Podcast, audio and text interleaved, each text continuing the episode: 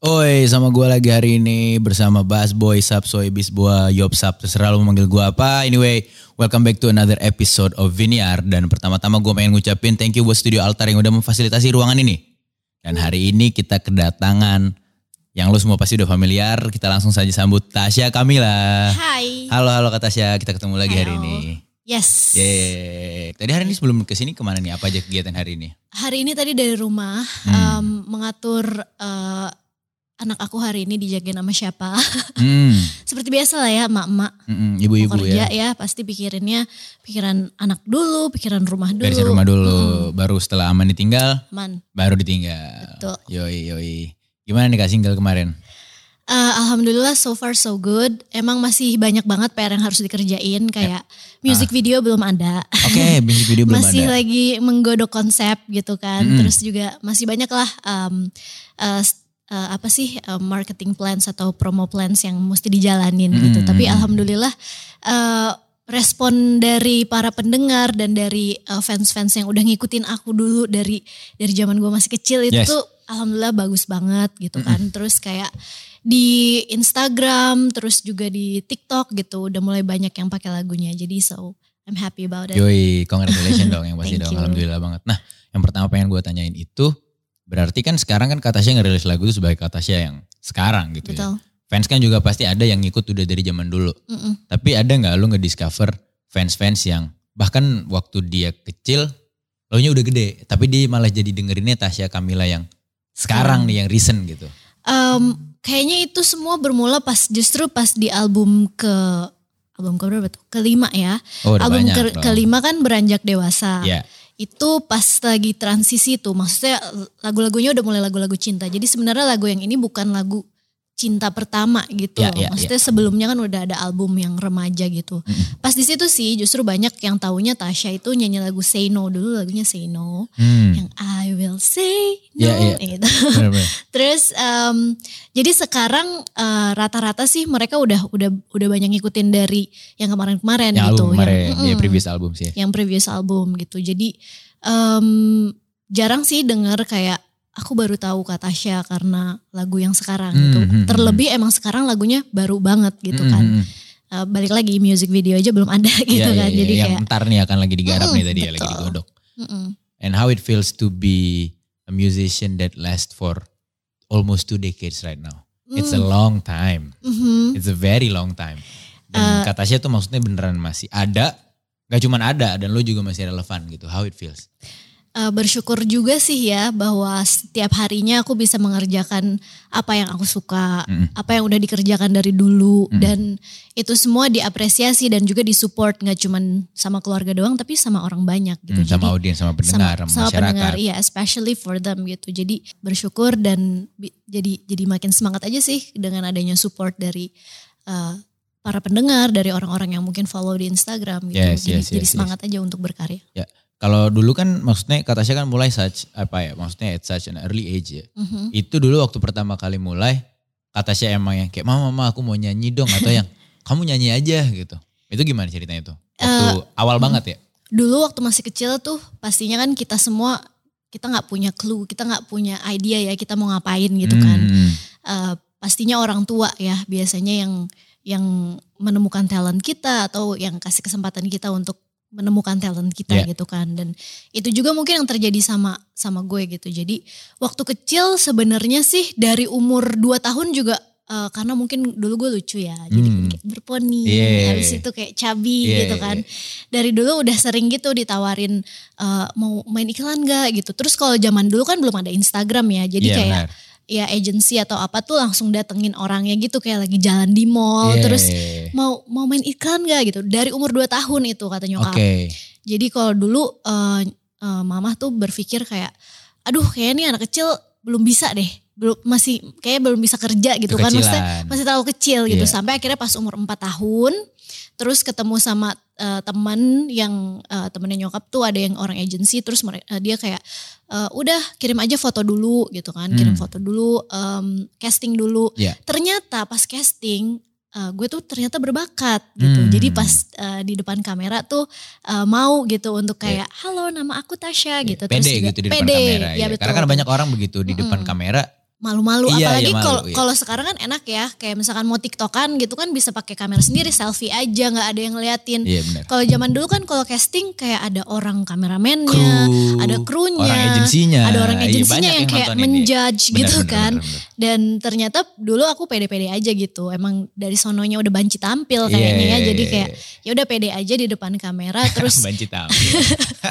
mereka eh, mereka bilang kayak wah eh, Tasya bisa eh, apa bisa take directions dari sutradara gitu Iya. maksudnya bisa ngikutin apa yang anak kecil gitu kan Hmm. disuruh sutradara terus juga bukan yang anak kecil zaman dulu kan banyak yang kayak malu-malu kalau di depan kamera Benar, gitu kan benar, benar. Em, jadi ternyata ke- ketahuan talentnya emang oh pede gitu Iya, pede iya. dan dan performer ya. dan gitu, bisa iya. gitu ya perform A performer. mungkin karena dulu gue suka digembleng sama kakak gue gitu kan Hmm, ya, kakak musik juga dulu atau kakak Bukan, juga atau main gimana tuh? ibu-ibuan Oke. digemblengnya di situ Iya iya iya, see, I see, main ibu-ibuan disuruh kayak kamu ceritanya kamu lagi sakit ya kamu ceritanya kamu lagi bilang ini ya gitu Iya, role playing ya. Mm-mm, role playing dari situ ternyata oh uh, ternyata berbakat untuk Hmm. acting dan juga uh, di dunia entertainment lah ya untuk Hmm. perform gitu terus uh, sementara itu juga um, uh, udah mulai iklan-iklan tuh sementara itu uh, nyokap juga selalu ngasih kesempatan anak-anaknya untuk banyak ekspor talent jadi di di les-lesin deh Ya. salah satunya les nyanyi juga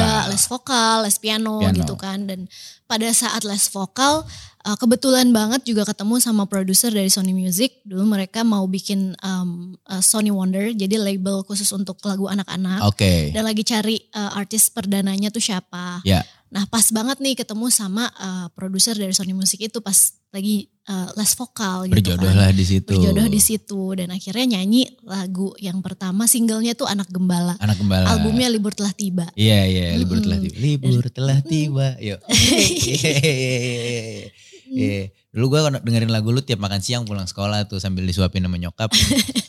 Distelin lagu Sam- lu. Sambil iya. nonton TV ya. Iya Biasanya lagu. gitu emang. Dulu tuh setelannya CD-CD kompilasi gitu kan. Gue Mm-mm. dapetnya jarang dulu kayak. Seinget gue dulu gak punya gue CD yang album lo gitu. Adanya gue tuh Hmm. CD kompilasi yang ada lu. Terus biasanya ada Joshua. Hmm, bajakan tuh berarti. Iya gitu dah. sorry dah, sorry dah, sorry banget. Sorry banget. Biasanya kayak kumpulan lagu anak-anak gitu kan. Gue gak ngerti kan. Berarti bukan salah gue. Yang beli dia, nyokap-nyokap. Gak apa-apa. Yang penting masih menyuguhkan lagu-lagu anak Indonesia yang memang Hmm. sesuai gitu Iya, kan iya, sama iya. usianya. Satu hal yang gue perhatiin mengenai lagu anak zaman sekarang itu kayaknya jarang ya anak kecil denger lagu anak. Mm-mm. Karena beda juga sih zamannya. Medianya juga berbeda, udah ada shifting. Sebenarnya kalau mau diteliti banget tuh udah banyak banget faktor yang bisa membuat kenapa uh, lagu anak-anak nggak sep- lagu anak Indonesia ya Gak sepopuler nggak dulu. sepopul- Hmm. nggak sepopuler dulu walaupun memang banyak tetap yang berkarya dan Benar. juga memproduksi lagu-lagu tapi kalau dulu mungkin uh, simpelnya aja dulu kita dengerin lagu paling dari kaset dari CD dari Hmm. radio atau di tayangan televisi juga ada um, khusus gitu ya jam 4 sampai jam 5 sore misalkan itu Hmm. khusus tayangan video klip Program anak anak-anak, ya kan benar, program ya. anak-anak dan kita cuman bisa mengaksesnya ya udah disuguhin gitu Benar, kan benar, dari benar. dari TV aja atau dari radio aja Kita gak dari bisa milih. kita nggak bisa milih gitu sementara kalau sekarang kan udah ada YouTube Hmm. sekarang lagu anak bersaingnya nggak cuman anak gembala tuh sekarang udah versus baby shark dudu dudu Iya benar. dan anak-anak juga punya em, kesempatan atau mereka tuh punya punya pilihan yang banyak gitu Setuju. mereka bisa gitu untuk untuk milih dan terekspos dengan banyak banget Yes, gitu kan yes, jadi yes. pastinya em, yang pertama persaingannya juga juga semakin luas gitu Setuju. kan terus yang kedua em, eh, pastinya udah ada udah ada shift juga di di medianya sendiri gitu Hmm. eh, dari zaman-zaman tahun 2010-an ke atas lah ya udah udah mulai eh, jarang lagu anak-anak Ya. terus kalau kata orang demografi sih katanya juga dulu di zaman 90-an tuh lagi banyak eh, baby boom gitu jadi Oke, proporsi banyak- anak-anak tuh banyak banyak, banget, Eh, ya. jadi demandnya juga banyak Ya, ya, ya. Uh-uh, terus sekarang ya itu uh, uh, pencipta lagu yang memang berdedikasi untuk anak-anak juga udah semakin semakin jarang. Kalau dulu kan ada Eyang Ate Mahmud, mungkin Ya, ada. Ibu Sud, Ya. ada Papa Tibob yang Ya. sekarang udah nggak ada Udah semua ada, orangnya benar-benar. gitu kan. Jadi itu sih beberapa faktor gitu yang mempengaruhi kenapa lagu anak Indonesia tuh sekarang Tidak uh, sepopuler dulu. tidak sepopuler Iya karena gue perhatiin juga kebetulan kalaupun ada lagu anak-anak di zaman modern itu jarang lagu baru, ciptaan baru. Mm-mm. Rata-rata biasanya recycle lagu-lagu lama gitu. Salah Iya. satunya mungkin juga lagu-lagu lu yang di cover atau dinyanyiin atau di aransemen ulang buat versi modernnya gitu. Dan biasanya yang sering gue dengar lagu anak-anak baru tuh berbahasa Inggris, impor lah bisa gue bilang ya. Mm-mm. Dari Indonesia sendiri sudah jarang gitu. Bahkan bisa kita ngeliat kayak di Twitter atau di di media sosial mana-mana tuh anak-anak tuh udah nyanyinya lagu-lagu Iya, udah dewasa. TikTok gitu iya, kan. lagu-lagu dewasa dan bener yang kayak kata saya bilang sih bener karena mereka sendiri dari umur kecil banget tuh udah disuguhin let's say iPad gitu. Mm-mm. Mereka udah terbiasa kena paparan informasi yang segitu banyak gitu dan Betul. udah ngerti namanya milih. Mm-mm, Iya. betul. Aku cuma mau nonton yang aku suka. Iya. Yeah, I see, Iya, makanya uh, kemarin juga sempat sama beberapa teman-teman mantan penyanyi cilik kita bikin campaign Save Lagu Anak. Hmm, Uh, hmm, terus hmm. kita sempat bikin beberapa lagu baru juga. Uh, selain itu kita ya mengkampanyekan lah ya untuk selalu melestarikan lagu anak Indonesia dan Iya. khususnya buat uh, para orang tua atau mungkin kakaknya, tantenya, Mm-mm. siapa pokoknya yang mendampingi anak-anak bahkan bapak ibu guru di sekolah gitu yes, ya yes. untuk suguhkanlah lagu anak Lagu Indonesia supaya uh, lagunya itu lagu juga mempengaruhi perkembangan anak soalnya Iya, kan. benar, benar. Dari lagu mereka bisa belajar, dari Setuju. lagu mereka bisa uh, meningkatkan kreativitas dan juga imajinasi, Imajinasi, mereka iya. gitu kan. Jadi suguhilah lagu yang memang sesuai dengan usianya. Oke, berarti emang menurut kata saya juga lagu anak sepenting itu juga ya buat Penting pertumbuhan banget. si Hmm. anak. Nah kak, aku kepo nih. eh, kan kata saya kak Sarah dulu dari itu berarti mulai nyanyi tuh umur Tujuh. 7 SD. Iklan umur empat. Iklan umur 4. Mm-mm. Nyanyi lah maksudnya beneran jadi das populer. Umur 7, 8 Umur maksudnya tujuh. Mm-mm. dikenal sama hampir satu Indonesia ya. Iya. Terus tuh rasanya dulu waktu pergi sekolah gimana tuh kayak Kayak- Um, ada gak rasa yang kayak, wih gue artis nih. Gitu. minggir, artis mau Kayak lewat. artis mau lewat gitu. Itu gimana tuh? Enggak sih, enggak Ah. ada kayak gitu. Karena dari dulu orang tua menyekolahkan aku di sekolah biasa aja kan, sekolah reguler. Hmm. Terus ketika aku di sekolah ya aku jadi jadi itu aja gue jadi anak-anak biasa Iya, gitu. jadi ya, murid. Tasya yang murid Tasya gitu, yang bukan murid, Tasya yang terus penyanyi. Dari dulu juga em, guru-guru nggak ada yang di maksudnya em, orang tua tuh nggak minta guru untuk ngasih privilege juga ke gue. Iya, Hmm. jadi kayak biasa aja. Hmm. Kalau emang harus keluar kota terus besoknya ujian ya tetap harus ikut ujian Iya, iya. kalau misalkan emang absen hari itu ya tetap harus ngerjain PR, PR, gitu bener. kan harus ngumpulin tugas segala macam bahkan dulu pas eh, sampai pokoknya sampai SMP SMA teman-teman gue tuh malah kadang suka lupa kalau gue jadi Artis, artis, Heeh. oke. justru mereka lupa gitu jadi pas lagi kita main keluar gitu ke mall atau enggak Ada yang minta foto atau apa Mm, terus kalau lagi kayak, field trip tuh Iya, suka iya. dikerubutin iya, gitu kan terus mereka minta kayak, foto. oh ya lupa gue si Tasya mah artis. Iya. Iya, iya. oh iya ya lo kan artis ya pantesan nih mintain foto suka kayak gini ih kok kita pada diliatin sih gitu oh iya ada Ada di Tasya. ada Tasya dia Iya. kan artis gitu Iya. justru mereka mereka yang lupa Hmm. gitu karena em, yang pengen normalize eh, kehidupan maksudnya orang tua aku tuh dulu mau pengennya ya anak punya kehidupan yang normal aja gitu nggak usah yang anak-anak. Mm-mm, yang anak-anak aja yang Hmm. memang sesuai tahapan usia dia kalau emang mau pergi ke pesta ulang tahun teman ya pergi, Pergi gitu. ya. Selainnya anak-anak seumuran ya, peer Betul. groupnya ya. Mm-mm. Tapi ada gak kak pengalaman yang kayak lo ngerasa selama lo growing up gitu di social life gitu mungkin di sekolah kan tadi kan teman-teman lo mungkin itu bisa teman-teman deket ya karena kan di sekolah kan muridnya banyak. Ada nggak kira-kira orang yang kayak uh, sees you a different way gitu mungkin yang jadinya kayak segen atau kayak iya apa sih dia? atau apa gitu. Ada nggak? Tapi lo Nah, pernah ngerasain pengalaman itu pas- secara langsung nggak? pas masuk ke UI eh, dulu kan oh ini sekolah wak- waktu di masa kuliah pas berarti pas eh, dari TK sampai SMA tuh sekolah swasta biasa. Hmm, terus eh, di Jakarta gitu Yeah. kan. Terus dari eh, TK ke SD di sekolah yang sama SMP ke SMA juga eh, pindah tapi di sekolah yang sama Yeah. gitu dari SMP di- ke, ke SMA jadi teman-teman yang grow up tuh ya tahu lah Tasya dari kecilnya kayak gimana Benar, gitu kan dan- ya udah temen deket lah dan bisa gue bilang rata-rata kan orang Jakarta asli maksudnya Mm, betul eh, ada orang jadi artis itu udah bukan suatu hal yang betul baru ya iya. Sedangkan di UI negeri kan datang dari mana-mana tuh. Betul. Oke. Nah pas di UI tuh baru uh, ada yang dari daerah, ada yang Benar. emang ke Jakarta aja mungkin baru sekali. Baru sekali hanya gitu untuk kuliah kan. doang. Hanya gitu. untuk kuliah gitu kan. Terus tiba-tiba sekelompok sampai ada yang dulu masih SMS gitu kan. Iya. SMS gitu kayak Tasya aku nggak nyangka bisa satu kelompok sama kamu. Ini rasanya seperti mimpi gitu kan. Terus gue kayak oke santai aja kita empat tahun bakalan bareng Iya, kok. iya, Bakalan iya. setiap hari nih ngeliat Gue juga di ospek kok, gak lu doang gitu ya. iya makanya jadi itu juga gue juga yang kayak agak kaget juga karena Ah. sebelumnya nggak pernah di treat kayak gitu di sekolah gitu kan terus yang kayak kalau jalan gitu di kampus kayak Tasya tuh Tasya tuh Tasya Yeah. gitu. Sebelumnya tuh nggak ada kayak biasa aja gitu kayak gue ya seorang murid biasa aja tapi begitu masuk UI yang orangnya emang dari mana-mana dan Hmm. mungkin bukan teman sepermainan yang dari dulu kecil ngelihat gue Iya. cuman ngeliatnya di TV doang, doang, gitu iya. kan. Jadi kayak eh, itu it- baru baru pertama kalinya ngerasain kayak gitu ya. Kayaknya awkward di dua belah pihak ya. Mungkin dari lo nya juga awkward. dari gue gitu. juga awkward, dari dianya juga Mereka kayak juga "Eh, awkward." gimana ya kayak canggung Iya. gitu.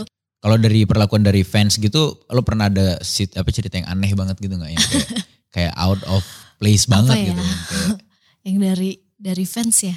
kayak buset-buset gila banget nih gitu. Ah, apa ya? Kayaknya nggak ada yang segila itu sih.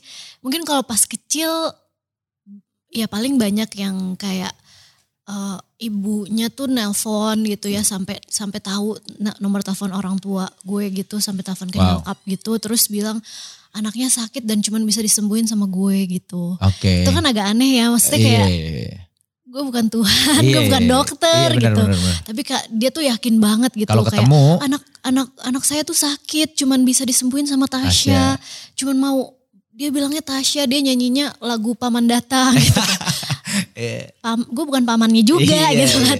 iya. Ya ya udah maksudnya kalau dia percaya itu bisa bisa membuat anaknya lebih baik ya. Ya udah kita Eh, ladenin gitu that kan. gitu, Iya, iya. tapi wild aja gak sih maksudnya kayak sampai segitunya. bener bizar ya. Mm-mm. Iya. Terus apalagi ya nggak ada sih tapi eh, kalau sekarang-sekarang ini kayak followers apa baik-baik sih alhamdulillah. Aman-aman ya, Mm, aman-aman. aman-aman. Mm-mm. Kalau untuk dunia akademis tuh how how it started gitu loh. Kayak gue bisa bilang lo salah satu orang yang cinta ya, passionate gitu Hmm. about it gitu. Iya jadi eh, dari dari dulu kan makanya dari dulu eh, orang tua tuh eh, eh, yang manajerin juga nyokap Hmm. Oh sampai sekarang? Eh, sampai sekarang tapi sekarang emang udah punya tim manajemen sendiri sih gue soalnya Hmm. nyokap juga udah udah udah tua lah Iya ya udah benar. Udah waktunya istirahat. Mm-mm, udah waktunya istirahat gue pengennya nyenengin dia aja nggak bikin repot gitu kan karena kan namanya business entertainment ini kan banyak Repot. repot banyak banget kerempongannya Banyak banyak, banget, banget iya, perubahan schedule Iya, dan segala macam. Mm. Kacau. belum lagi masalah Instagram postingan gitu-gitu Hmm. dia mana ngerti gitu Iya. kan jadi sekarang emang udah ada tim manajemen sendiri kalau kita tapi nyokap gue ya eh, paling kalau ada uang masuk itu ke nyokap semua kalau Hmm. sekarang gue terus em, dari dulu emang manajer kan nyokap terus em, bokap juga eh, almarhum bokap seorang dosen eh, se- eh, selain auditor ya bokap juga dosen, Dosen makanya ekonomi berarti dosen ekonomi. Mm, dosen uh, dosen akuntansi, dosen Akuntansi, auditing. hmm. Terus uh, dua-duanya itu ya pastinya uh, kalau untuk mem- me- mengatur kehidupan anak-anaknya gitu, maksudnya uh, memanage gue sebagai artis atau apa nggak cuman memikirin kayak uh, uh, short termnya aja, tapi Iya, long termnya gimana gitu. Setuju. Nggak cuman mikirin cuannya doang, tapi mikirin juga kayak kesehatan gue gimana, Hmm. well-being gue gimana, termasuk ke pendidikan gitu. Makanya Iya. dari dulu di sekolah ini di sekolah reguler biasa aja gitu dan kalau ada tawaran kerjaan yang juga membuat gue harus mengorbankan sekolah gitu itu tuh biasanya nggak di nggak diizinin gitu sama bokap atau nyokap Oh strict ya? Ya lumayan sih karena katanya kayak ya udah nyanyi segala macam tuh itu hobi kamu kan Hmm, yang sekolah yang nomor satu. Hmm, sekolah tetap nomor satu gitu Iya, iya. karena um, dan juga bokap gue tuh bilang ke gue gitu dia bilang kalau uang itu bisa aja habis tapi kalau ilmu itu Gak ada nggak akan habisnya. ada habisnya That's the same thing my father told me. Oh ya? Iya. Iya kan, jadi kalau misalkan kamu spend your money, kalau kamu pakai duit kamu, kamu membagikan duit kamu bisa aja habis. Tapi kalau kamu menggunakan ilmu kamu, kamu membagikan ilmu Nggak kamu pernah itu habis, nggak malah bisa nambah habis. Malah nambah Iya. makanya. Makanya kejarlah pendidikan kamu gitu. Iya, dan itu membuat gue semangat juga sih buat sekolah dan ternyata gue juga tipe orang yang kayak suka sekolah gitu, Iya. suka suka banget belajar, belajar hal yang baru, punya skills yang baru, eh, terus eh, achieve di sekolah gitu berprestasi di sekolah tuh jadi kebanggaan sendiri juga buat Setuju. gue gitu dan akhirnya pas em, udah kuliah S1 bahkan di semester-semester akhir S1 aja tuh gue udah berpikir bahwa pendidikan gue jangan cuman sampai S1. S1 aja seenggaknya lanjut harus S2. S2, gitu Berarti seenggaknya S1 di UI. S1 di UI Jurusan akuntansi akuntansi ekonomi. Oke lanjut S2 di Columbia University Columbia University. Itu di Amerika ya? di Amerika di New York Oke iya iya iya. iya. Itu lanjut akuntansi lagi juga. Nggak, lanjut eh, Master of Public Administration, Master- Administ- administrasi Adpub. publik. Mm, jadi eh, nganalisis kebijakan publik. Iya gitu. iya administrasi publik. Iya. Kenapa lo jadinya administrasi publik? Nah itu Kan lo dari akuntansi ya, Iya, maksudnya itu lumayan bidang yang bisa gue bilang eh, masih beriringan cuma sebenarnya tidak sedekat tidak itu. linear ya. Hmm, gak linear. Eh, karena dari dulu tuh dari tahun 2005 gue kan jadi duta lingkungan dan banyak banyak banget uh, bekerja sama kementerian. Oke, okay. yang lu bilang SMP tuh? Pas gue SMP, SMP dulu. Pas okay. gue SMP dulu tuh udah dinobatin jadi duta lingkungan. Terus gue banyak belajar soal lingkungan di Indonesia. Hmm. Terus juga gue banyak kerja sama bapak atau ibu menteri yeah. ngeliat Indonesia gitu kan. Terus uh, ngeliat gimana kebijakan itu bisa bisa membentuk ya bisa mempengaruhi kehidupan masyarakat dan juga membawa Indonesia ke depannya kayak gimana. Yeah. Jadi gue terinspirasi tuh pengen jadi Dari menteri situ. gitu kan. Okay. Makanya menurut gue salah satu langkah gue untuk jadi seorang menteri adalah seenggaknya pelajarin ilmunya Ilmu, gitu. Iya iya benar-benar. Ilmu punya basic juga ada mm, basic of it ya. Mm, basic untuk gimana sih caranya memformulasikan dan juga menganalisis kebijakan publik dan terpenting lagi mengimplementasikan kebijakan tersebut. Yeah. Gitu. Jadi jadi ternyata emang kebijakan publik itu tuh uh, sesuatu yang ilmu interdisipliner bahkan kayak pas gue belajar di sana kan gue kebijakan publik konsentrasinya emang di kebijakan energi dan lingkungan. Oke. Okay. Kita tuh bisa ngeliat kebijakan itu dari berbagai perspektif termasuk dari perspektif bisnis juga. Iya, iya pasti Di mana dong. kebijakan tertentu bisa mempengaruhi bisnis, iya. decision iya. making gitu Bener. kan dan gimana juga bisnis itu bisa mempengaruhi kebijakan. Lingkungan juga benar-benar. Hmm. Dan juga ya. lingkungan, iya ya dan juga kebijakan itu sendiri gitu. Setuju. Gimana NGO, aktivis, bahkan influencer kayak yeah. kita gitu yeah, juga yeah. bisa mempengaruhi kebijakan atau sebaliknya gimana caranya menjembatani nih antara pemerintah sampai ke masyarakat yaitu melalui administrasi publik, publik tadi. Iya betul dan juga melalui public figure kayak kita terus influencer juga bisa yeah. bisa bisa menyampaikan itu dan itu semua dipelajarin jadi tetap aja um, ilmu dari mulai ilmu finance-nya juga kepake karena gue juga banyak ngambil kelas yang bersinggungan ya hmm. antara um, environment dan juga finance kayak hmm. ngambil sustainable finance ngambil kayak financing the green economy gitu-gitu kelas-kelas yang gak ada di Indonesia yeah, tapi yeah, menarik, bener, banget, menarik gitu. banget dan itu bakal juga sangat berpengaruh kalau lo pengen implementasiin di Indonesia juga walaupun Betul. kelasnya belum ada. Betul. Could be setelah lu implementasiin atau apa pun bisa jadi ada kurikulum-kurikulum tersebut mungkin Betul. bisa datang dari lu kan. Uh, pengen banget gitu uh, ke depannya mungkin kita udah mulai berpikir ke arah situ gitu ya. hmm. ya. Uh, sustainability yang mungkin di, dilihatnya nggak ini bukan cuma urusan orang lingkungan doang gitu. Tapi urusan kita semua. Urusan kita semua, semua semua um, jenis pekerjaan memiliki dampak ke lingkungan gitu. Iya, setuju, setuju, setuju.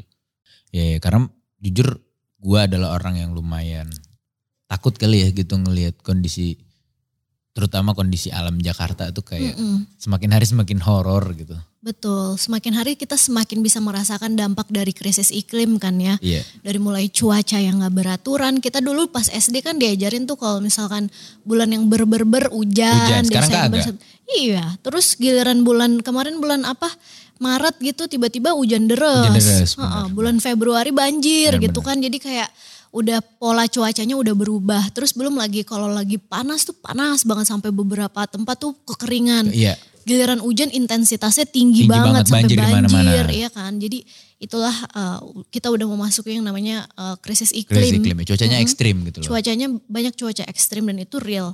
Kemarin pas gue ke New York aja juga uh, itu badai, badai yang sampai New York tuh sampai banjir yeah, sampai yeah. Kemarin banjir. lihat di, di di di internet New York hmm. banjirnya parah banget tuh. Iya itulah salah satu dampak dari perubahan iklim gitu. Tuh, bahkan maksudnya uh, jangan orang-orang yang nonton yang ngerasa kita kan kenapa banjir atau kenapa gitu karena kita Indonesia negaranya belum maju.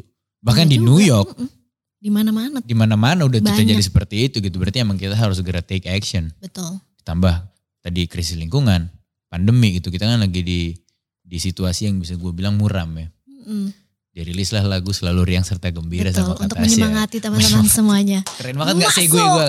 Keren banget gak sih gue gue? Smooth. nah itu uh, kenapa judulnya itu?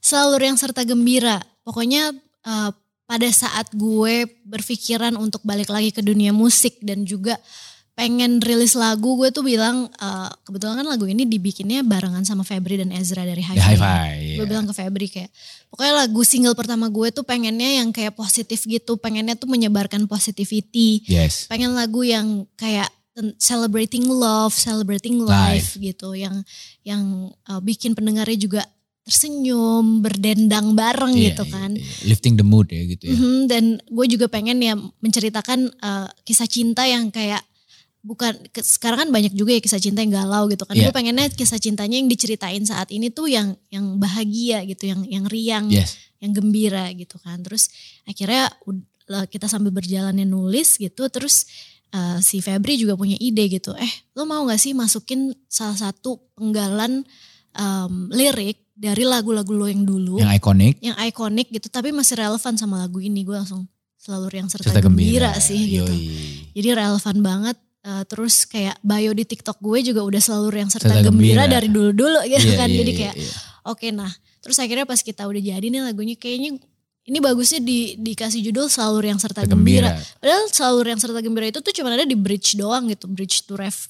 Uh, Mhm. nggak nggak di nggak di semua lagunya ada kata-kata itu kan Benar. gitu kan tapi kayaknya ini bener-bener represent represent lo gitu kata Febri ini bener-bener represent lo terus juga um, bisa ngingetin juga orang-orang tuh bahwa ini yang nyanyi Tasya Kamila yang dulu anak gembala loh kayak Iya, siapa iya. juga sih yang nggak inget kata dia Iya. gitu jadi masih oke banget dan ini kayak something sesuatu yang baru uh, a new rendition of anak Tasya, gembala tapi iya. selalu yang serta Serta gembira, yang gembira, baru bener, gitu bener, yang, bener. yang yang yang relevan sama kehidupan lo yang Iya, sekarang Jadi lo still paying homage tapi still Betul. nunjukin bahwasannya evolusi lo sekarang sudah sejauh ini gitu. betul Lo udah evolve.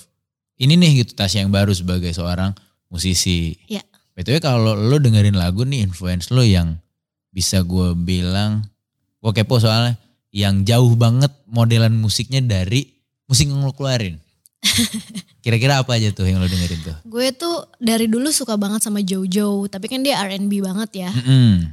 Eh, itu salah satu agak-agak jauh tapi masih masih bisa lah ya. Iya, Apalagi ya yang jauh banget ya.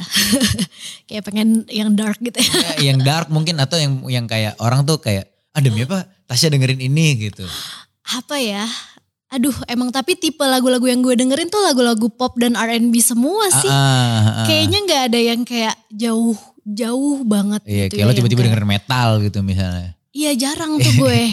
Iya, kan siapa gue nggak tahu kan makanya gue tanya itu siapa tahu gitu loh karena kayak kemarin itu sempet eh, Isyana tiba-tiba ngeluarin Mm. lagu metal itu gue kaget. iya. Eh demi apa ya gitu? ah, serius lu Iya gitu? sama gue juga Iya. kaget tapi tapi agak agak gue expect sih soalnya kayaknya dia emang tipe yang kayak bisa nyanyi apa aja Oke, gitu kan. iya, iya, iya. Tapi kalau lu sendiri ke depannya ada nggak rasa pengen atau rasa kayak gatel yang pengen lu garuk untuk nge-explore ke ranah musik yang kayak lu masuk ke hutan gitu loh, lu juga nggak tahu lu nebas-nebas. Kebayang gak maksud gue? Mungkin mungkin lebih ke jazz kali ya. Oke, seru, Karena kan seru. iya, seru. karena kan kalau kalau jazz itu kan di sini ya bisa dibilang ya segmented, terus Ya. kayak nggak semua orang bisa dengerin, banyak orang yang mungkin ngantuk kalau dengerin jazz, Jazz, atau apa iya, gitu-gitu iya, kan. iya. Tapi itu sesuatu yang mungkin gue dengerin juga dan ketika kemarin gue sekolah di New York, sempet juga ngambil jazz vocals Oke. course gitu. Jadi Iya, mungkin iya, itu iya. salah satu yang suka gue explore dan mungkin secara komersil mungkin nggak bakalan gue lakuin gitu karena Oke. kayak kayaknya tuh belum berani aja sih, belum berani juga sih nge-explore sampai Sejauh se-jazz itu, itu, iya. gitu. Tapi itu mungkin salah satu genre yang ada rasa ingin. ada gitu rasa ya. kepengen. Oh lu belajar jazz di New York ya? Mm-mm, At the birthplace of jazz gitu. that's right. Gokil, gokil, gokil. Berapa lama lu di New York kata Tasya? Eh, dulu dua tahun di sana, jadi dari tahun 2016 sampai 2018 eh, karena sekolah di sana dan Hmm. sekarang tiba-tiba eh, ke sana lagi karena suami Suami di sana. Kemarin Oh, baru iya. balik kan? Dari Apa? sono nganterin iya, suami. habis nganterin suami kemarin eh, satu bulan di sana dan kayaknya tuh ternyata beda banget ya eh, living in New York eh, as a single person gitu kayak masih single sama Yeah. sekarang udah berkeluarga punya anak tuh kayak langsung lihat New York dari perspektif yang berbeda dan Iya, kayak oh my god ini emang kota buat orang-orang yang kayak dinamis dan juga iya. eh, salut sih sama orang-orang yang bisa kayak survive as a family gitu di, Di New York, iya, iya gokil. Dan gue kayak gila kalau ada orang yang kayak grew up in New York pasti orangnya tough banget Tough sih. banget ya. Heeh. Kan makanya kan ada saying-saying if you can make it here, you, can, make, it anywhere. Iya. Gokil New York. Gimana sih eh, eh, eh, eh, kayak lu bilang tadi kan sangat beda ya. Lu ngelihat New York dari kacamata seorang lajang yang masih kayak free terus lu punya ambition, punya drive bisa gue bilang Mhm. New York tuh kotanya buat orang-orang yang pengen jemput bola ya. Betul. Nah itu gimana kalau dari kacamata lo sendiri waktu lo lajang dulu, how do you see New York? Dan sekarang yang lo bilang waktu lo balik as a mom, Iya. as a, as a wife gitu, apa yang beda banget? Menurut gue kalau dulu gue bilangnya New York is the most exciting cities in the world. It's the most exciting city in the world. Kalau Hmm. sekarang kayak New York is the most exhausting city in the world. Iya. Gitu. Jadi yang beda tuh kalau ya karena New York kan kayak padat, hiruk pikuk, so vibrant, banyak banget. Iya. Iya. Itu kalau dinikmati sendiri tuh kayak asik gitu. Kita bisa ya kita bisa ngatur ritme kita sendiri gitu Ah. kan mau kita mau cepat atau kita mau lambat tapi begitu punya keluarga gitu kan ritmenya ya kita nggak bisa ngatur sendiri gitu kadang apalagi kayak gue punya toddler gitu kan Iya. anak kecil yang kita mungkin harus ngikutin ritme si Dia. toddler ini gitu Benar. terus juga em, kotanya sendiri juga nggak terlalu suitable juga sih kalau buat gue ya Hmm, buat Maksudnya- nge-raise kids ya. Mm-mm, kalau buat gue sih nggak terlalu suitable buat mm, not my ideal city gitu ya bu. Iya. Tapi gue takut deh ngomong gini tiba-tiba gue kayak ketulah gitu. Terus tiba-tiba. Tiba-tiba ke sana lagi mas. Iya, terus tinggal di sana. Di sana, iya. Tapi kalau sekarang, Sekarang, ya, right now, perspek- right now, right now nih okay. ya. Karena kan orang cenderung 2021 berubah. ya. Orang kan cenderung berubah gitu. Tahun 2021 gue sih kayak em, lebih prefer tinggal di Jakarta sih gitu kan. Oke. Dengan, dengan keadaan punya anak gitu. Karena di sana yang pertama kalau gue eh, yang pertama sekarang kan karir gue tuh adanya di Indonesia gitu kan. Mhm. Apalagi gue baru dari single gitu. Iya. Kalau gue eh, kerja terus juga suami gue lagi kuliah gitu kan. Setuju? Eh, itu tuh bakalan susah gitu. Siapa yang mau jagain anak gue? Iya benar. karena eh, anak gue masih toddler yang energinya tuh banyak Banyak banget dan harus banget. diperhatiin banget Iya. gitu. Dia tuh kalau gue meleng dikit tuh rumah bisa hancur gitu Benar, kan. Lagi aktif-aktifnya Lagi banget. Lagi Iya. aktif ya bun anaknya, iya betul. Betul. Terus em, jadi kalau kalau kita dua-duanya bekerja atau eh, nggak ada salah satu yang full time mom gitu atau full time dad gitu di Iya. di rumah kayaknya ya mungkin harus daycare dan itu pastinya biaya lagi. Iya, Terus apalagi kalau hire nanny, nanny pasti lebih Mahal, mahal, lagi gitu setuju. kan. Jadi kayak Apalagi nih di New York. Pasti Iya mahal kan? banget. temen gue aja dia ini dia di London sih dia cerita kayak iya gue punya full time nanny itu gajinya sekitar 3.200 pound sterling per bulan berarti berapa tuh Au. 65 juta per bulan oke Au, iya, au. mehong ya Iya, mehong sekali sis. Iya jadi kayak ya kurang lebih kan mirip-mirip ya New York sama London gitu jadi kayaknya oke eh, belum belum ideal lah untuk sekarang dengan keadaan suami juga mahasiswa Iya, gitu iya, kan terus yang kedua S3 berarti suami. S2 S2, oke. Hmm, lagi S2.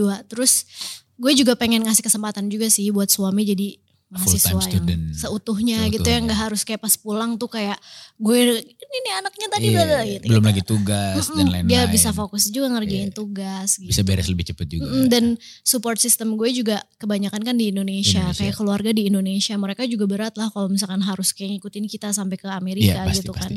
Orang tua juga udah nggak semudah dulu kan, Hmm, energinya ke sana kan lama kan 24, 24 jam jam pesawatnya. pesawat. Mm, jadi kayak support system di Jakarta, kerjaan di Jakarta dan kayaknya untuk saat ini emang Suitable di sini. lebih lebih ideal di Di Jakarta. di, Jakarta Iya. dulu gitu. Tapi lo setuju gak kalau Jakarta tuh New Yorknya Indonesia kan ada dibilang Jakarta tuh kalau New York kan the big apple kan. Iya. Jakarta dibilang the big durian tuh. Ya mungkin karena ini ya the land of opportunities ya. Iya. Sama kayak di New York gitu kan the land of opportunities. Eh, mirip-mirip sih memang sama sama Jakarta. Terus ke sama-sama kebagi sama. lima administratif juga kan. Hmm, Jaksel, Jakut, Jakbar, betul di sana ada Jakpus. iya Sana kan ada Queens, Manhattan, Manhattan, Brooklyn, Brooklyn, terus apa lagi sih? Staten Long- Island ya? ya Long Island. Long Island, iya, lima juga tuh. Iya sih. eh mirip serupa tapi tak sama sih ya. Iya. Eh BTW kata Tasya nih sekarang masuk ke segmen pertanyaan dari Dari netizen. Oh, nah, dari, Bukan dari kita nih. Jadi sebelum lo datang kita biasanya itu selalu setiap sebelum tamunya datang Mm-mm. itu kita buka question box di IG. Jadi nanti para followers Volix atau yang kebetulan ngeliat bisa nitip pertanyaan buat ke tamu yang mau datang. silahkan. Nah ini Apa nih? Kok gue deg-degan sih kalau dibilang dari netizen tuh kayak udah netizen sama dengan nyinyir gitu. Iya, enggak, ya. enggak. Kalau followersnya Volix kan pinter-pinter. Mantep, iya. Pinter-pinter ya. Nah ini nih nih nih. Yang pertama itu adalah kalau misal nggak jadi public figure, cita-citanya apa kak? Eh, Sebenarnya cita-cita gue sih sampai sekarang pengen jadi menteri. Tapi menteri juga public, Public figure, ya. figure, iya. Jadi em, apa ya kalau Nggak mungkin gue nangkep nih maksudnya public figure dibayangin dia tuh jadi artis. Mm-mm. Kayaknya deh. Jadi mungkin ya mungkin ya gue bakalan pursue kayak polit, pol- politik gitu Ya. kali ya kalau emang nggak jadi artis gitu. Tapi ya balik lagi itu juga karena ya itu juga termasuk public figure, Figure, dan iya. mungkin juga ya karena gue punya platform untuk bisa sebagai public figure gitu ya bisa bisa kasih sesuatu yang bermanfaat dan juga mempengaruhi kehidupan orang banyak makanya gue pengen itu tapi kalau enggak sama sekali ya Hmm. mungkin gue bakalan pursue uh, cita-cita gue yang dulu gitu pengen jadi dokter mungkin ya Yeah. jadi dokter atau jadi um, arsitek, atau Arsitek. jadi animator gitu jadi mungkin pekerjaan yang berbeda sih Jauh berbeda bahkan. Mm-mm. Nah ini BTW buat para penonton, menurut gue kayak di Indo orang suka eh, miskonsepsi ya antara artis dan selebriti. Mm. Iya. Kayak selebriti itu dibilang artis. Artis kan seniman deh maksud gue. Selebritis tuh kayak presiden itu selebriti. Maksudnya selebriti kan orang terkenal. Iya, public orang- figure gitu kan. Orang yang famous gitu. Iya. Terus kita lanjut ke pertanyaan pertanyaan kedua. Bagaimana dengan pendidikan yang sudah dicapai saat ini bersamaan sudah berkeluarga? Maksudnya apa sih? Gue juga gak ngerti nih. Mungkin gini kali. Eh gue juga sempet ditanyain tuh soal waktu itu. Nih ya gue pernah nih pas gue lagi hamil waktu itu terus kita lagi ada preskon gitu kan. Nah gue tuh hamil tuh keadaannya emang gue kan uh, lulus abis itu nikah nggak lama nikah abis itu gue hamil kan ya. Iya. Terus pas lagi preskon gitu ada satu jurnalis juga nanya ke gue. "Eh, Tasya gimana sekarang kamu hamil ngerasa sia-sia nggak pendidikannya? Buset. Das gitu kan. Kayak Buset, buset banget. insulting banget gitu Iya, kan. iya, iya, iya. Jadi gue langsung kayak emang ada yang salah ya sama ibu yang berpendidikan atau orang yang berpendidikan kemudian Terus jadi ibu gitu. memutuskan untuk jadi ibu gitu kan. Coba-coba dong ini dikupas dong gue. Kesel nih. Ini beberapa kali sih gue udah kayak coba uh, speak about this karena Iya. kayak sering juga gue ditanyain gitu kayak pendidikannya sia-sia dong kemarin udah kuliah di luar negeri ujung-ujungnya juga Jadi jadi, ibu. ibu. terus juga ngurusin anak Iya. gitu kan. Terus gue kayak yang pertama nih ya uh, urusan mengurus rumah tangga itu bukan cuma tanggung jawab perempuan, tanggung jawab laki-laki juga. Iya. Coba kalau gue laki-laki, gue bakalan ditanyain kayak gitu nggak? Kayak eh lu udah kuliah tinggi-tinggi sekarang jadi ayah lu ngerasa sia-sia nggak? Nggak pernah ada Iya, deh kayaknya. benar, benar. Jadi seksis banget kan pertanyaannya gitu kan karena gue perempuan terus gue hamil gitu terus kayak sia-sia dong pendidikannya kan nanti harus ngurus anak gitu kan.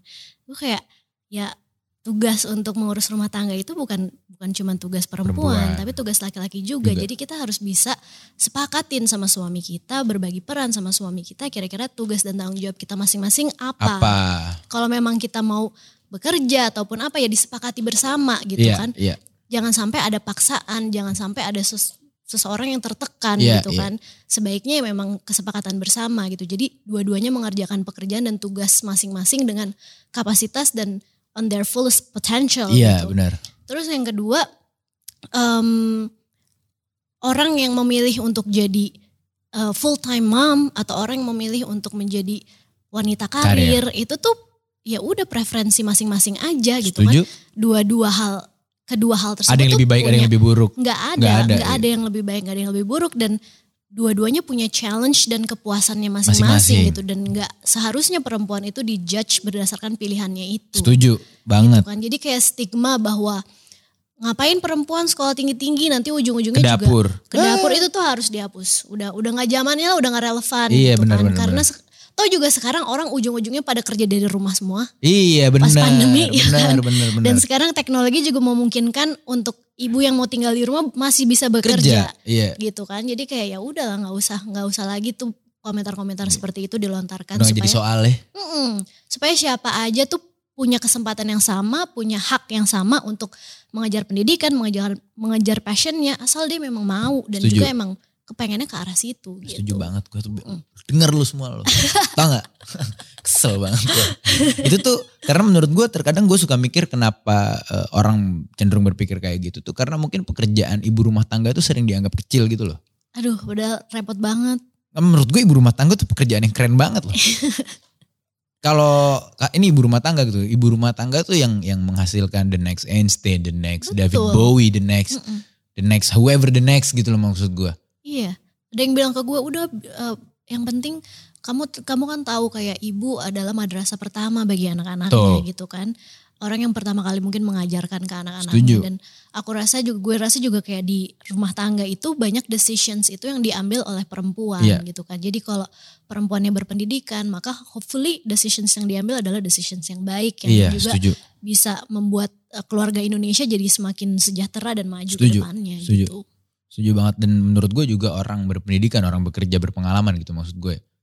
Itu tuh nggak semata-mata hanya untuk tanda petik karir gitu. Mm-mm, Di saat lu jadi ibu itu jadinya waste gitu. Karena kan itu yang sebenarnya yang lo bangun mindset ya. betul. Cara lo berpikir gitu. Ya gue selalu bilang kalau pendidikan itu tuh nggak cuman kita memperdalam keilmuannya aja. Kagak. It's more than that. Kayak wawasan lo bertambah. Setuju, Terus juga itu membentuk pola pikir kita, Setuju. attitude kita. setuju. Bagaimana kita melihat suatu masalah and come up with the solutions. Yes. Dan juga network kita juga bertambah. Bertambah, gitu kan yes, dengan yes. network kita bertambah ya insya Allah rezeki dan juga opportunity Bahkan kita bertambah. dapat Iya. kerjaan juga bertambah gitu kan. It's more than just Hmm, itu tempat untuk kita menemukan ide-ide baru dan juga mengerjakan apa yang kita suka gitu. Jadi nggak cuman memperdalam keilmuan. Oh kalau lulusan akuntansi Cuman benar bisa harus akuntansi akuntansi doang. enggak juga. Ya enggak gitu kan Kalau zaman gue. sekarang menurut gue enggak sih. Sebenarnya kan balik lagi ya kalau yang gue percaya tadi sekolah itu kan untuk berdialektika ya, untuk berpikir gitu loh. Mm. Makanya selalu suka ada statement kayak eh, beda cara berpikirnya orang sekolah sama yang enggak Hmm. gitu loh maksudnya. Kelihatan gitu loh berpikir Iya, akademis betul. itu di situ kelihatan bagaimana orang melihat premis-premis yang ada, terus ngambil solusi, ngambil keputusan, ngambil kesimpulan dan lain-lain. Jadi ya Setuju. Di saat lu jadi ibu dan lu jadi punya pemikiran kayak gitu, it would be good for your kids kan. Iya. Jadi nggak sia-sia men. Stop lah, cuy, please banget. Kemarin rame loh di Twitter, ada yang kayak nge-tweet perempuan karir tuh sampai kapan pun makanan masakannya nggak akan enak karena mereka Ya sibuk di Allah. kantor, nggak akan nggak akan di dapur. Terus rame yang nge-quote tweet, yang nge-quote tweet itu adalah perempuan-perempuan yang berkarir Mm-mm. tapi juga jago masak. Keren. Terus pada di quote pada nunjukin menunya. Nih, nih, nih, nih, enak gak gitu. Atau lo mau gue gojekin gitu. Karena akhirnya menurut gue, gue juga ngeliat ya sekarang shifting bahwasannya kalau dulu masak itu dinilai sebuah skill yang harus perempuan bisa. Sekarang masak itu dilihat sebagai satu hal yang keren. Hmm. Nggak cuma perempuan gitu, laki-laki juga pengen bisa Betul. masak. Itu keren gitu loh. Iya. Kayak sekarang laki gue juga gue ajarin masak. Masak Ujung-ujungnya dia tuh yang di dapur kan. iya gitu. Maksud gue sekarang masak tuh orang aja udah. kayak belajar gitar gitu. Iya, betul. Keren gitu. Mm-mm. Bisa jadi bisnis juga. Setuju. ya kan jadi udahlah nggak nggak usah kayak stereotyping gender gitu gender stereotyping oh perempuan sepatutnya begini A.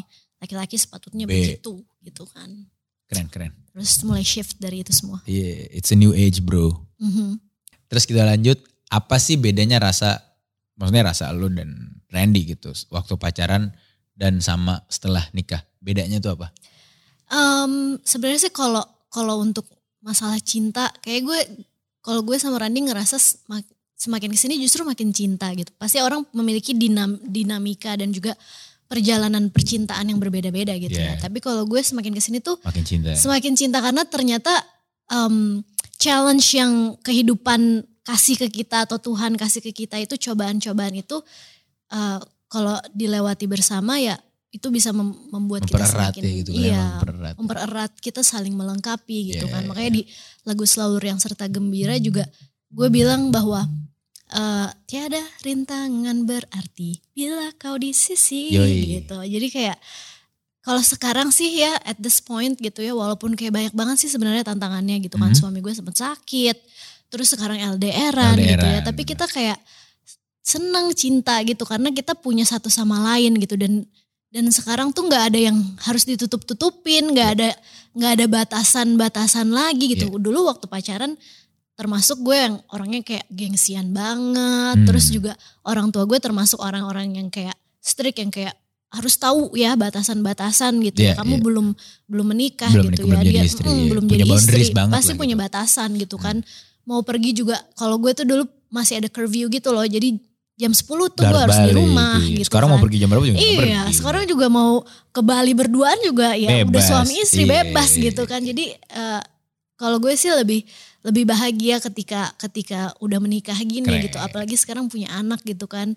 Pastinya tanggung jawab terus yang dipikirin itu juga makin Nambah. kalau dulu mana peduli gue mikirin kayak karir dia ke depannya mau apa ya udah suka-suka kamu gitu kan. Iya. Terus gue mikirin diri gue sendiri doang Benar, kan. benar. Ambisi gue ke depannya mau apa. Kalau sekarang kayak apa-apa mikirin aduh nanti suami gue gimana ya. Iya. Dampaknya ke keluarga kita gimana gitu kan. Pastinya pemikiran dan juga tanggung jawab. Terus juga kebutuhan juga pastinya semakin bertambah. Tapi di balik itu semua gue ngerasa lebih happy juga Iya. sih. Karena ada ada orang yang yang selalu bisa gue andalkan. Iya, in conclusion berarti kalau dulu selama ini lo mikirnya selalu I gitu, sekarang us. Betul. Iya kan? Dan di saat lo dulu kasarnya diterpa sama hujan problematika kehidupan yang menghadapin cuman I, sekarang jadi lebih tenang karena yang menghadapin us gitu loh, Betul. barengan gitu. Betul banget. Goks, mantep banget. Terus, eh dedet. oke ini seru nih. Ada keinginan yang belum tercapai selama berkarir, Keinginan yang belum tercapai selama berkarir. selain jadi menteri. Selain jadi Iyalah itu belum menjadi karir Iya, bahkan iya, itu bener. masih angan-angan. Iya bener, bener, bener. Em, keinginan yang belum tercapai selama berkarir masih banyak sih ya ambisi gue gitu kan. Hmm. Eh, punya lagu nggak cuman lagu anak-anak tapi lagu berbagai macam tema dan mungkin ber- exploring berbagai macam genre pun juga belum Iya. belum pernah dilakukan gitu kan. Terus kayak uh, pengen juga main film dan yang filmnya kayak bagus banget gitu. Itu Bayang, juga belum bayang. belum pernah dilakukan. Jadi sebenarnya sih masih banyak kok yang belum belum tercapai gitu Ya. kan.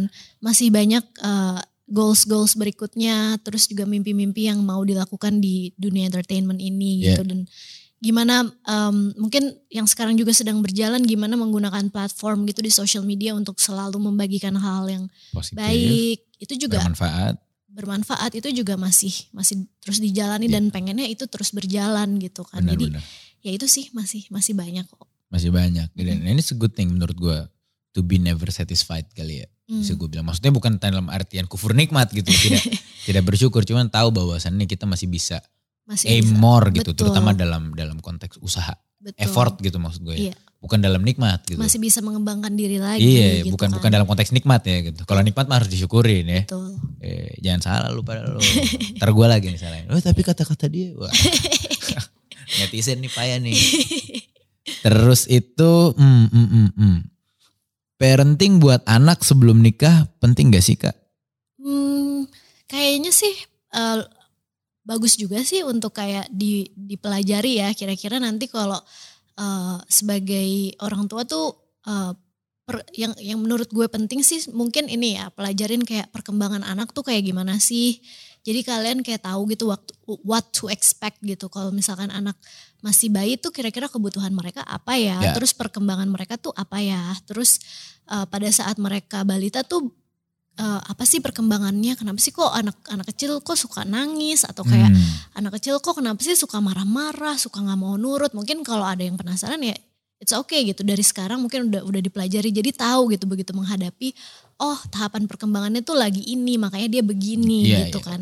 Tapi yang namanya parenting pasti berjalannya waktu mau nggak mau gitu ya mau dipelajarin mau enggak ya kita kita harus siap gitu kan menghadapi menghadapi anak. Emang uh, lebih bagus gitu kalau kalian tuh udah udah tahu dari sebelum punya anak atau bahkan dari sekarang gitu iseng-iseng kalau emang kayak punya punya cita-cita punya anak gitu ya punya keinginan untuk untuk punya anak gitu ya dari sekarang dipelajarin oh tahapan perkembangan anak seperti ini jadi kira-kira dia butuhnya ini oh jadi kira-kira nanti gue kalau udah jadi ibu harus jadi ibu yang kayak gimana Iya, gitu tapi balik lagi begitu terjun jadi seorang parent pastinya ya pas banyak banget yang harus eh, diadaptasikan gitu kan Benar. beradaptasinya tuh banyak banget terus Gak semuanya Eh, kayak yang bakal di buku gitu. maksudnya. semuanya textbook gitu Iya. kan semuanya by konteks aja gitu Setuju. tapi at least kalau kita udah tahu tahapan perkembangan anak seperti apa kita nggak kaget lagi Eh, sih Ada bekal ya. ada ada bekal gitu tahu apa yang harus diekspektasikan Iya, gitu Oke oke oke bener tuh.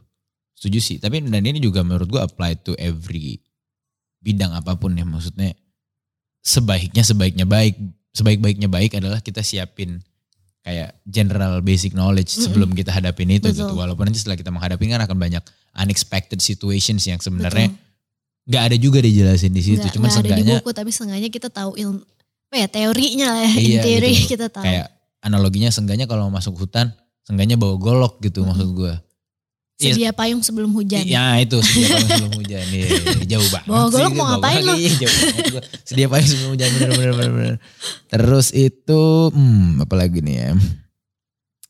Ibu yang cerdas itu yang seperti apa?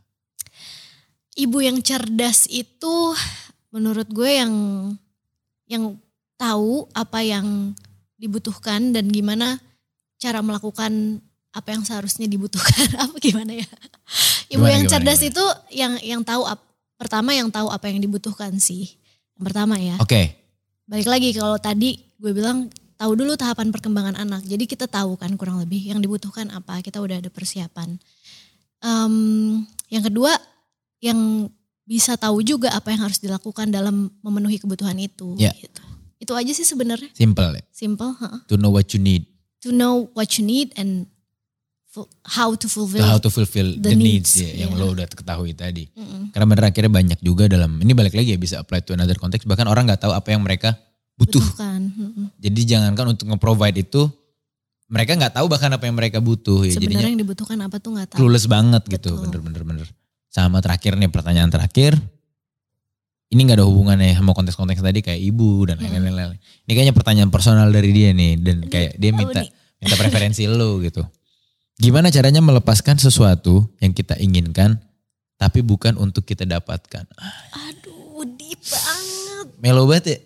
Kenapa sih? Bagaimana? Ya, kenapa sih followers lu pada melo-melo banget cuy? Sumpah deh kalau ada pertanyaan kayak gitu pertanyaan suka yang kayak pujangga banget gitu. iya kan anak senja banget nih kayaknya nih. Kebanyakan ini filosofis banget gak nih orangnya nih? Bagaimana cara melepaskan, Melepaskan sesuatu, sesuatu yang diinginkan tapi Untuk nggak untuk kita dapatkan. nggak untuk kita dapatkan?